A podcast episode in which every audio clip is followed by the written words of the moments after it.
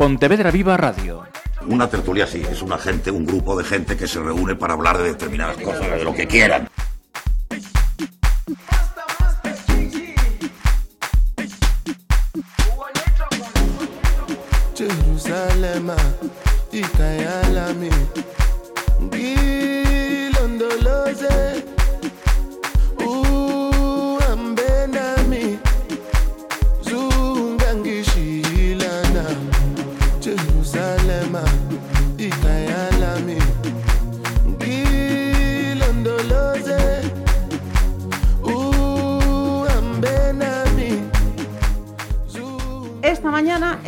Con alumnos de sexto curso del Colegio Praza de Barcelos, que nos han traído también unos cuantos trabajos que nos van a leer en la radio, que los han estado preparando estos días. Y vamos a comenzar. ¿Qué nos ha preparado Martín para leer aquí hoy? Yo, yo un, tra- yo un trabajo, yo un trabajo sobre los animales en peligro de extinción. Venga, pues Martín nos va a hablar de los animales en peligro de extinción. Adelante, Martín. Hola, me llamo Martín y voy a hablar de un problema muy grande en el mundo, que son los animales que están en peligro de extinción. Actualmente hay 23.250 especies que están en peligro de extinguirse en el mundo.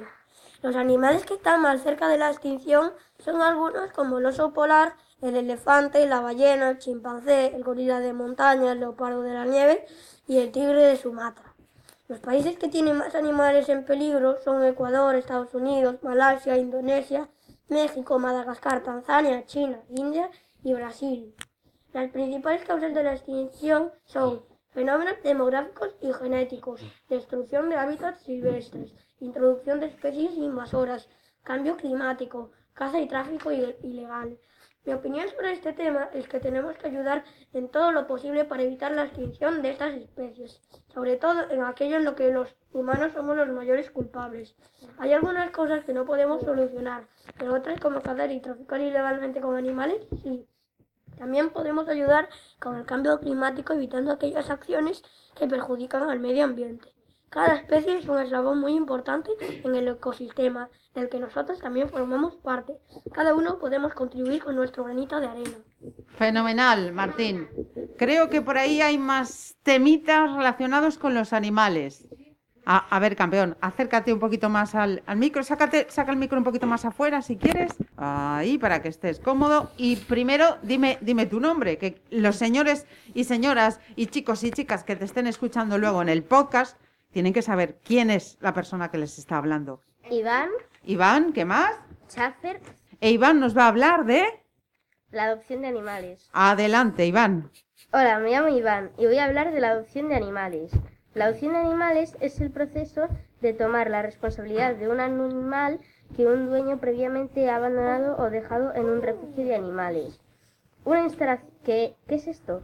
Es una instalación que sirve como espacio de acogida a animales sin hogar, perdidos o abandonados, en su mayoría perros y gatos. Existen un gran número de lugares donde se pueden adoptar, tanto lugares físicos como refugios, como por internet. Estos sitios web tienen bases de datos de mascotas y animales albergados por personas y grupos de rescate y pueden ser encontrados fácilmente.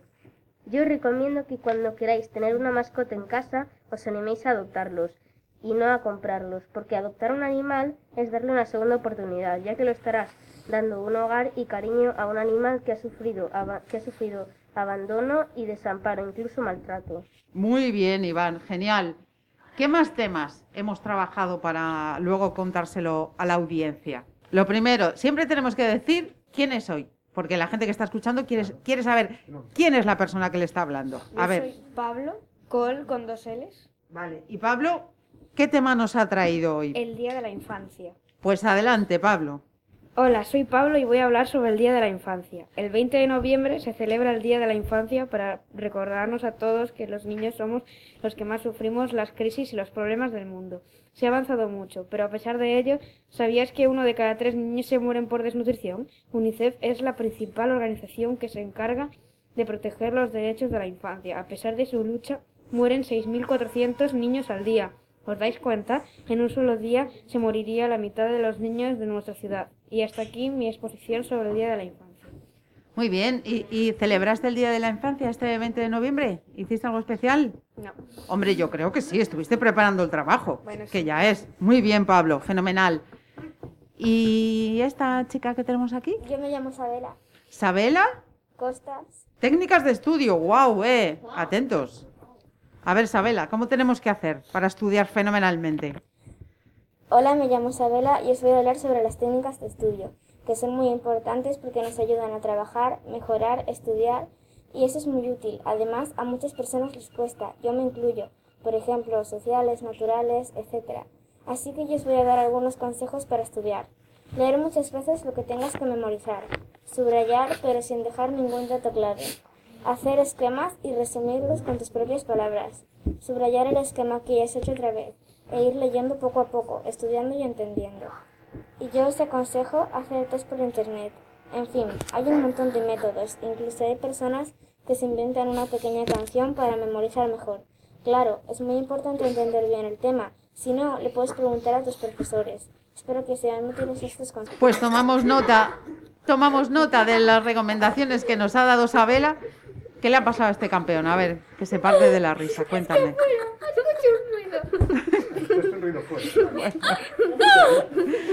Vamos ahí. ¿Quién quiere romper el fuego? ¿Quién va a ser la primera? Venga, ¿ves? Es- esto suele ser muy habitual, que parece que, que impresiona ponerse delante del micro. No pasa, no pasa nada. No pasa nada. El micro no se mueve, no os va a contestar, no muerde, no hace nada. Simplemente recibe lo que le contéis. A ver, venga. ¿Quién empieza? Venga, lo, di- lo digo yo. Lo digo yo. Venga, Ruth, tú que has sido la del transistor, te ha tocado. Venga, empieza. Venga, Ruth. Venga, acércate ahí. Cuando vayamos a hablar, atentos. Cuando vayamos a hablar, uno, tenemos que estar el resto muy calladitos. Y dos, el micro, Ruth. Siempre en línea recta a tu voz, a una manita de distancia, para que se te pueda escuchar bien. Ahí se te va a escuchar lejos. Te vas a tener que agachar un poquito, ¿vale? Así a una manita de distancia. Y calcula, eso es, un pelito más. Vale, venga. Es un poco incómodo, ya lo sé, ya lo sé. Claro, mira, e incluso si estás más cómoda te puedes poner La así. silla imaginaria. Te puedes apoyar, te pones el papel ahí encima de la mesa, te pones ahí el papel y Ruth nos va a hablar de qué? De la campaña contra la gripe. ¿De la campaña Con la campaña de la gripe. contra la gripe? Te me vas a acercar bien al micro porque si no, no te vamos a oír bien. Así que, Ruth, avanti, cuéntanos. Hola, soy Ruth del Colegio de Barcelos y vengo a hablar de la campaña contra la gripe. La campaña de vacunación contra la gripe estacional arrancada hace unas semanas, de manera simultánea a la, tercera dosis de COVID para los mayores de 70 años. En este segundo año de pandemia, para hacer un llamamiento a la población más vulnerable, sus contactos y los profesionales sanitarios y, y sociosanitarios se vacunen también este año contra esta enfermedad dentro de la campaña que se desarrollará entre la segunda quincena del mes de octubre y la primera semana de noviembre. ¿Tú, te, ¿Tú eres de grupo que hay que vacunarse? ¿Conoces a alguien que se tenga que vacunar? Bueno, pues de parte de Ruth y de todos, hay que vacunarse contra la gripe, para que luego no nos pongamos pachuchos, ¿vale? Digo, aunque, no, aunque esté hablando solamente una persona, hay otras tres que os podéis poner los auriculares para, para que comprobéis cómo se escucha, ¿vale? A ver, ¿quién más? ¿Quién más tiene trabajo para leer? Qué chulo. A ver. A ver, cielo, venga, ¿cuál es tu nombre? Yasmín. ¿Y de qué nos vas a hablar? de los mejores lugares turísticos para visitar en Pontevedra. Hola, soy Jasmine. Ya que poco a poco estamos volviendo a la normalidad de antes, es decir, ya se puede volver a viajar en ciertos lugares, hoy hablaré, hoy hablaré sobre los cuatro lugares que recomiendo visitar en Pontevedra en un día, sobre todo si es tu primera visita a la ciudad gallega, situada en el norte de España. 1. Iglesia de la Virgen de la Peregrina. El santuario consiste en una capilla que tiene forma de vieira, símbolo peregrino, situada justo al pie del camino de Santiago portugués. 2. La Plaza de la Leña, una de las plazas más concurridas, aunque pequeña, de Pontevedra. 3. Plaza de Pedreira. En contraste con la Plaza de la Leña, esta plaza sí cuenta con espacios más amplios y es, de hecho, una de las más grandes en el casco histórico de la ciudad. También es cercana a otras plazas como la mencionada anteriormente, la Leña y la de la Verdura. 4. Casa del Barón. Hoy en día es el Parador de Pontevedra, un palacio renacentista del siglo XVI. Cuenta con una escalinata de piedra, decoraciones por doquier y unas habitaciones de escándalo. Estos son solo unos lugares asombrosos para visitar en Pontevedra. Muy bien. ¿Y de todos ellos cuál es el que más te gusta a ti? La, la Casa del Barón, el Parador. El parador. Muy bien, muy chulo, sí señor. A ver, ¿quién más tiene por ahí trabajillo? ¿Qué? ¿Te ha molado escuchar? A ver. Le dejamos unos auriculares al compañero. ¿Quién nos va a hablar? Eh, vamos a hablar de la, viol- eh, Iker, Iker, ¿De qué nos va a hablar Iker? de la violencia de género. Me parece muy bien. Atentos. Venga, Iker. Avanti. Eh, la violencia de género es un término que hace referencia a cualquier acto que se busca dañar a una persona por su género, raza, raza, etc. La violencia de género constituye de una grave violación a los derechos humanos. Al mismo tiempo se trata de un problema psicológico. Bueno, eh, por último voy a pasar a las, a las violaciones eh, que, que se hacen cuando, cuando una persona a otra se enfada. Primero, violación física, desde agresiones a la muerte. La violencia sexual, desde acoso, desde el acoso hasta la mutilación genital. Eh, la violencia moral, a violencia económica, a violencia social a y, a y por último a violencia vicaria. Muy bien. ¿Sabes lo que te digo, Iker? Sí. Que tú tienes pinta de ser un tertuliano estupendo. Sí. Bravo. Estupendo. Que no lo ha leído, que lo ha dicho. Sí, sí, lo estás poniendo, lo has puesto, convencido y entendiendo de lo, lo que está diciendo, porque no solamente es leer, porque tú puedes estar leyendo y no, y no saber lo que está leyendo. Iker, efectivamente, estaba explicando, estaba sabiendo perfectamente lo que decía. Muy bien, Iker. Muy bien, Iker. Me ha gustado mucho tu tema y me ha gustado muchísimo cómo lo has expuesto. Sí, señor. ¿Quién más tiene por ahí alguna cosita más? Venga.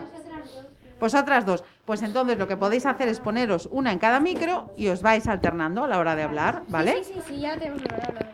Perfecto. Bueno, nos tenemos que presentar, tenemos a- que saber quién- quiénes somos los que estamos hablando. A ver, presentaros. Raiz Almeida. Silvia, nos vais a hablar de el bullying. Venga, adelante, chicas. Espera, espera, que te veo. No te pongas nerviosa, tranquila. Vamos ahí. El bullying. Hola, somos Silvia y Raiza y hoy vamos a hablar sobre el bullying. Para quien no sepa qué es el bullying, es acoso escolar o no escolar. Es cualquier forma de maltrato psicológico, verbal o físico producido entre estudiantes de forma repetida a lo largo de un tiempo. Puede ser tanto en el aula como a través de las redes. Las diversas formas de bullying. Las diversas formas de bullying pueden ser físico, psicológico, verbal, sexual, social. El acoso escolar, bullying, es un comportamiento agresivo intencional que consiste en un desequilibrio de poder o fuerza. Además, es repetitivo y se puede manifestar de forma física, verbal o social. El, bu- el bullying, ah, las consecuencias del bullying. El bullying afecta a toda la comunidad educativa y deteriora la convivencia. Tiene consecuencias negativas en el bienestar, desarrollo y el ejercicio de los derechos de niños, niñas, adolescentes y jóvenes estudiantes. Finalmente, queríamos deciros que una de las cosas más importantes de este tema es que el bullying es un delito. Por eso debemos aprender que el bullying es un acto que no debemos consentir. Muy bien, Raisa y Silvia. Genial, genial. Va a comenzar Esperanza Díaz. Esperanza, por favor, ponte los auriculares. Vale. A ver, Esperanza. ¿Te acuerdas cómo dijimos? Así cerquita del micro, a una manita de distancia. Como tú estés más cómoda, con el papel puesto sobre la mesa, si prefieres tenerlo en la mano, como tú prefieras. ¿De qué nos vas a hablar, Esperanza? Sobre el bullying. Sobre el bullying. Me vas a subir un poquito más la voz porque te oigo bajito, bajito, bajito. Seguro que tienes una voz súper bonita y la vas a poner más alta, ¿verdad? Venga, pues adelante. ¿Qué es el bullying? El bullying se refiere a un tipo de comportamiento violento e intimidatorio que se ejerce de manera verbal, física, entre niños y adolescentes en la etapa escolar. Hay varios tipos de bullying. Bullying verbal se caracteriza, por ejemplo, de insultos, burlas, amenazas, son cosas que afectan psicológicamente, etc. Bullying físico es el más común entre los estudiantes, incluyen todo tipo de agresiones, pueden ser ejecu- ejecutadas por uno o varios agresores. Bullying social es aquella que busca aislar al niño o adolescente de un grupo social. Logra- lo logran a través de la discriminación. Ciberbullying. En este caso, el agresor se vale de las redes sociales y hostigan a la víctima. Bullying sexual. Se trata de connotación sexual o abuso en los casos más graves. Las niñas son principales víctimas. Muy bien, muy bien, Esperanza. ¿Has elegido el tema tú? Eh, no, como compañera. ¿Y tu compañera? ¿Con qué? con- ¿Cómo se llama tu compañera? Hay que hacer aquí un acto de justicia. Melody. Genial. Pues enhorabuena, enhorabuena a las dos, Melody. ¿Quién más tiene por ahí preparado trabajillo? A ver, pues venga, auriculares, quien vaya a leer. Podéis utilizar también el resto cuando os toque, ¿eh? A ver. Y Matt nos va a hablar de... Acuérdate, Matt, atención que viene con la publicidad, súper importante. Adelante, Matt. Camiseta anti-resistant. Con esta nueva camiseta anti-manchas estás a salvo de las broncas de tu madre. Porque con la nueva tela absorbente, cuando te manches te limpiará todo tipo de líquidos. Muy bien. ¿Vas a ser publicista de mayor? A lo mejor. Vale. Anotamos, anotamos que tenemos aquí un publicista. Pues esta es la pausa, cuando viene el anuncio, y ahora vamos a escuchar el anuncio. Muy bien, Matt. ¿Qué más tenemos? A ver, Yago, y cuéntanos, adelante. Eh, me llamo Yago y soy sobre las consecuencias de la tecnología. La tecnología hace nuestra vida más fácil, aunque puede llegar a tener unas consecuencias sobre el ser humano. Un tiempo excesivo de juego puede afectar a tu vista y crear una independencia. También necesitar los videojuegos o Internet para vivir. También puede producir enfermedades como el vamping, que consiste en gente que no duerme solo para jugar, ver vídeos, etc. Algunas personas han llegado a sufrir problemas físicos, como dolores de espalda, etc. Y también pueden llegar a sufrir problemas psicológicos, como depresión, ansiedad, cambios de humor, irritabilidad, trastornos del sueño, trastornos alimenticios, etc. Según la OMS, pasar tiempo delante de las pantallas puede llegar a ser malo cuando la persona pierde el control sobre el tiempo que dedica y lo vuelve una prioridad sobre otros intereses y actividades diarias. Yago, ¿tú controlas las horas que estás delante de Internet? Sí. ¿Te controlas tú o te controlan en casa? Cuéntame. A veces en casa, pero también Tú también ejerces tu control. Pues me parece genial, Yago. Muy bien, muy interesante además. Y muy importante, muy importante lo que nos ha contado Yago. Muchas gracias, ¿eh? Muchas gracias. Que la experiencia bien, lo de ponerte en el micro, estabas ahí un poco, un poco nervioso, me ha parecido a mí. Cuando lleves ya 400 o 500 veces más, ya verás cómo te parece de lo más normal. Muy bien, campeón.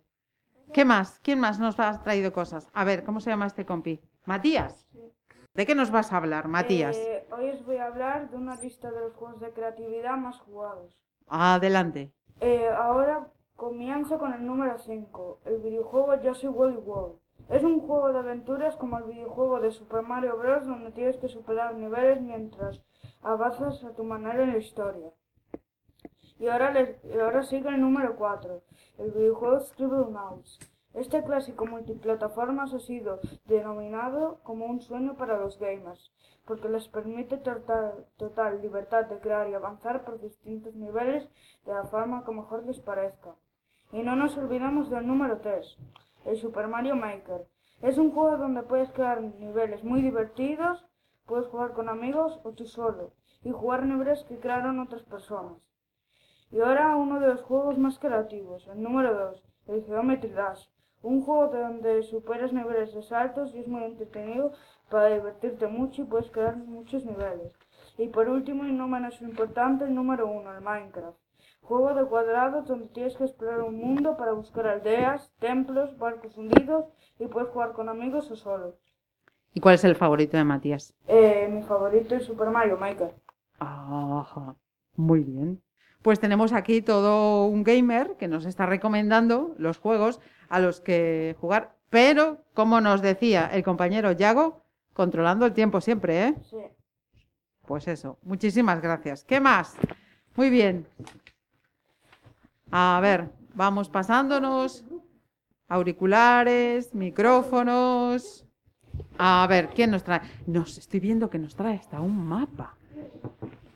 ¿Quién nos va a hablar ahora? Y Víctor Manuel nos va a hablar de... El cambio climático. Muy bien, adelante. El cambio climático. La atmósfera está compuesta por, está compuesta por diversos gases que en la proporción adecuada cumple su cometido. El problema está cuando la actividad del ser humano aumenta la emisión de gases de efecto invernadero a la atmósfera y retiene más calor del necesario, provocando que la temperatura media del planeta aumenta y se produzca lo que popularmente llamamos el cambio climático, el calentamiento global. ¿Cómo afecta el cambio climático a la población? Las olas de calor y de frío tienen graves consecuencias para la salud pública, ya que las personas pueden tener enfermedades como cardiomusculares o respiratorias, incluso puede causar la muerte. ¿Cómo podemos solucionar el cambio climático? Ahora os voy a decir algunas cosas para solucionar este problema. 1. Apagar las luces. 2. Cambiar las bombillas viejas por bombillas LED y bajo consumo. 3. Desconectar aparatos electrónicos. 4. Re- reducir residuos. 5. Reducir el consumo de la carne. 6. Llevar tu propia bolsa al mercado. 7. Reciclar productos usados. 8. Elegir transporte público o bicicleta. ¿Y tú qué haces? Para ayudar, quiero decir. Controlas las luces cuando estás en casa, eh, reciclas. ¿Qué es, ¿Qué es lo que hace Víctor para ayudar? Pues apago las luces al salir de casa. Eh, eh, los residuos, pues cada uno va a su papelera. Eh, ¿El tema lo has elegido tú? ¿Te mola esto de el medio ambiente, cuidar el medio ambiente y todo eso? Sí. Muy bien, Víctor. Sois unos chicos estupendos. ¿Qué os ha parecido? ¿Sí? ¿Parecía más, más difícil o, o ha sido más... ¿Qué? ¿Qué os ha parecido? Muy fácil. Parece fácil. Sí. A ver, acércate, acércate ahí, que desde ahí no te oigo bien. ¿Quién, quién nos está hablando? ¿Quién nos está hablando? Sano. Pues a ver, cuéntanos, ¿qué es lo que te ha parecido? Acércate un poquito más, por favor. Es divertido, pero como un poco nervioso, dado que te puede escuchar un montón de gente y no, te, y no sabes la respuesta que puede tener. Pues si uno habla con sentido común, sabéis lo que es sentido común, ¿verdad? Sentidiño. Vamos a ver. Efectivamente. Pues si uno habla con sentidiño y con respeto, no hay ningún problema. Respetando las ideas de los demás, exponiendo, no tienes que tener ningún problema. Muchas gracias. Gracias a ti. A ver, ¿quién va a ser el valiente o la valiente que va a ser el primero o la primera en querer contarme a mí lo que ha traído? Tú. Ya, te- tienes cara de valiente. A ver, ponte ahí entonces. ¿Y Raúl de qué nos va a hablar? Publicidad. Publicidad, nos traes un anuncio. ¿Habéis visto lo que nos ha dicho Oscar antes? Lo importante que era. Claro, tenemos que comer también los periodistas, tenemos que ganar el dinerito. Pues muy bien, Raúl. A ver, pues damos paso a la publicidad. Tenis Superpower. Estos son los tenis anticansancio. Con estos podrás hacer kilómetros y kilómetros. Nunca te cansarás de andar. Son increíbles. Corre a comprarlos antes de que se agoten. Pues me has convencido, Raúl. Me los voy a comprar ya. ¿Cómo ha sido lo del trabajo de hacer un anuncio? Eh, primero hicimos, mi compañero y yo hicimos eh, cinco o seis anuncios y después de los seis eh, decidimos Quedarnos con las zapatillas. Perfecto. Quisieras ser publicista de mayor. ¿Por dónde quieres ir? profe de mates. Profe de mates. Qué envidia me das. Yo que tengo que ir contando todavía con los dedos. Como para ser profe de mates. Muy bien, pues Raúl nos ha traído la publicidad. ¿Quién va después? Un paseo por Pontevedra. Nos vamos a dar un paseo por Pontevedra. ¿Con quién? A ver, Yurema, te vas a tener que agachar un poquito, ¿eh? Un poquito bastante. A ver, Yurema, tú tranquila, tú olvídate que tienes el micro ahí, que no pasa nada. El micro no muerde, no pega, no te contesta, no pone mala cara. El micro es muy bueno, se porta genial. Son, somos dos personas, él y yo. Tú también. Vale, pues entonces le dejamos al compañero los auriculares. Yurema y Rodrigo, entonces nos van a llevar de paseo por Pontevedra. Adelante. Hola, soy Yurema. Yo y mi compañero Rodrigo vamos a hablar sobre un paseo por Pontevedra. Hago mención del colegio de la ONCE, donde estudiamos los ciegos de la plaza de San, Jos- San José, y el café moderno donde antiguamente pasaron hombres como Castellano, Bo- Bovedea, Paz Andrade, y sin olvidarnos que hace años en las palmeras palmeras teníamos animales como, las mona- como la monachita y etcétera. Espera, espera, espera, espera, Yurema, porque Yurema se estaba poniendo nerviosa. ¿Y, y sabes, ¿Y sabes por qué? El cuerpo a veces, hab- hablamos con la voz, pero a veces el cuerpo nos habla más que la voz siquiera. Estás así, Yurema. Tú piensa, a ver, olvídate, olvídate de todo. Tú estás en tu casa y estás leyéndoselo al espejo, se lo estás leyendo a Yurema. No hay nadie, está- estás tú sola y lo estabas haciendo además fenomenal. Así que quiero volver a escucharte otra vez, que además tienes una voz súper chula y lo haces genial. Hola, soy Yurema y mi compañero Rodrigo vamos a hablar sobre un paseo por Pontevedra. Hago mención del colegio de la ONCE, donde, estudia- est- donde estudiaban los ciegos de la Plaza San José, y el café moderno donde antiguamente pasaron nombres como Castelao, Bodea, Paz Andrade y sin olvidarnos que hace años en las palmeras teníamos animales como la monachita y etcétera. Bien, mucho mejor. ¿Has visto? Tranquilita. Solamente te faltaba hablar un poquito más alto. Pero no te preocupes que luego tenemos aquí trucos para subirle el volumen. Has quedado genial. En este trabajo hago referencia de la ciudad de Pontevedra, a sus dos ríos llenos de encantos, el Lérez y el Gafos, a sus dos, a sus dos bellos puentes, Cabo y el, y el Vargo, el Burgos y el puente de la Barca, a la plaza de la Herrería y sus soportales, Virgen de la Peregrina, patrona de la provincia de Pontevedra, Plaza de la Leña, donde se vendía leña, y ruinas de Santo Do- Domingo. Muy bien. Y, y de todo eso os voy a preguntar a Yurema y Rodrigo. De todos esos sitios que me habéis dicho, a cada uno de vosotros, ¿cuál es el que más os gusta? A mí la plaza de, de las Palmeras. ¿La Plaza de las A Palmeras? mí también, el par- bueno, la Plaza de las Palmeras. ¿El parque? Sí, Bueno, ¿Por qué? Porque yo cuando voy me parece un lugar muy bonito. Y que para jugar ahí está bien. Ajá. ¿Y a Rodrigo por qué le Y a gusta? mí porque tiene bastante naturaleza y conectas con la naturaleza. Ajá. ¿Y, y os han contado que hace años había ahí un mono un poco travieso? Sí. ¿Sí? Y pavos reales y patos. Ajá, muy bien. Oye, pues tenemos anuncios de publicidad, tenemos visitas por la ciudad. ¿Qué más cosas nos han preparado estos chicos? A ver, pues Adrián y Teo. Venga, campeones. Espera, ¿de qué me vais a hablar? Sobre el voto femenino en España. ¡Oh! Venga. Hola, nos llamamos Teo y Adrián y os vamos a hablar sobre el voto femenino en España. El 19 de noviembre de 1933 fue cuando las mujeres españolas pudieron votar por primera vez. Hace nueve décadas se tomó la decisión de incluir a la otra mitad de la población en el proceso de elección de sus representantes, marcando un antes y un después en el camino hacia la igualdad ju- jurídica ante hombres y mujeres. Una de las grandes impulsoras del sufragio fue Clara Campoamor, que participó en la redacción de la Constitución de 1931. Tras el estallido de la Guerra Civil en julio de 1936, las mujeres, como los varones, no volvieron a ejercer su derecho de voto hasta junio de 1977. Gracias por vuestra atención y tiempo que nos habéis dado. Gracias a ti, a vosotros, por habernos traído esa parte de la historia tan importante. Ten- ¿Tenéis abuelas? ¿Conocéis a las abuelas? ¿Les habéis preguntado a las abuelas de cómo vivieron eso? Bueno, yo solo tengo una. Acércate, cielo. Yo también solo tengo una. Y, y le habéis preguntado, oye abuela, ¿cómo era esto de poder votar o no poder votar? ¿Tú cómo lo viviste? ¿Le habéis preguntado? Yo alguna vez. ¿Sí? ¿Y qué te cuenta?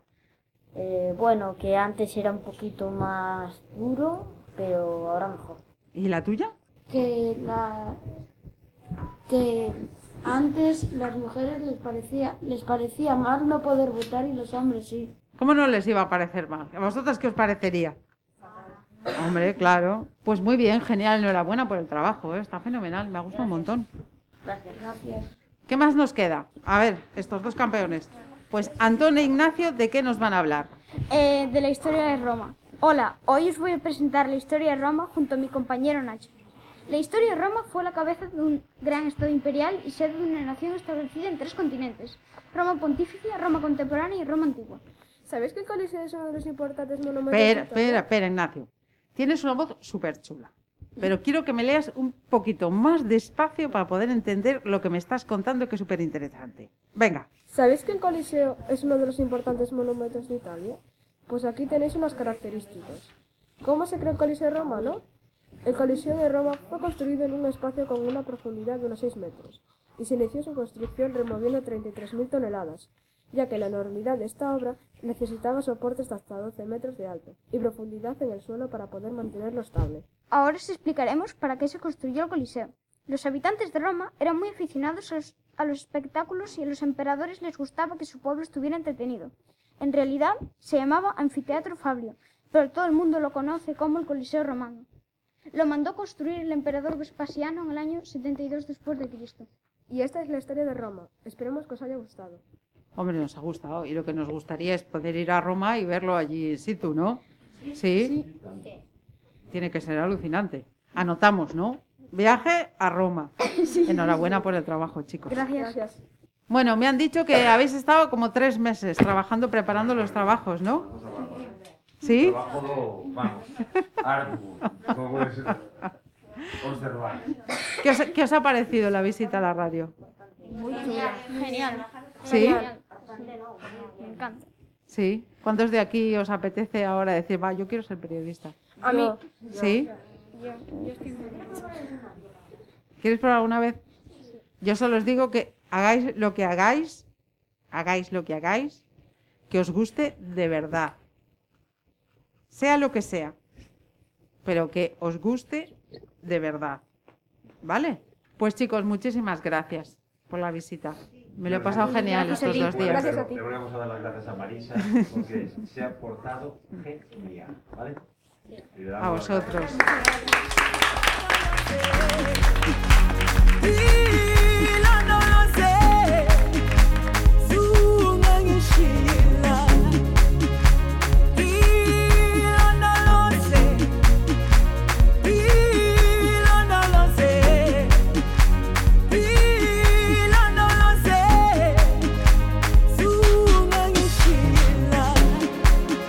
Jerusalema ikhaya ilondoloze uhambe nami.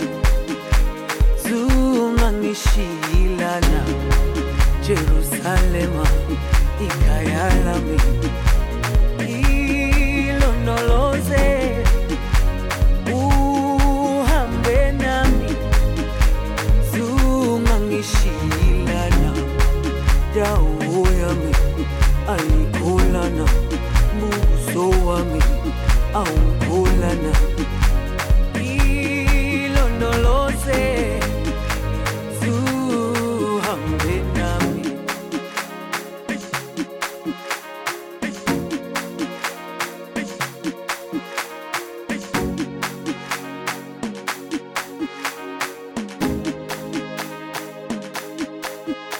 Pontevedra Viva Radio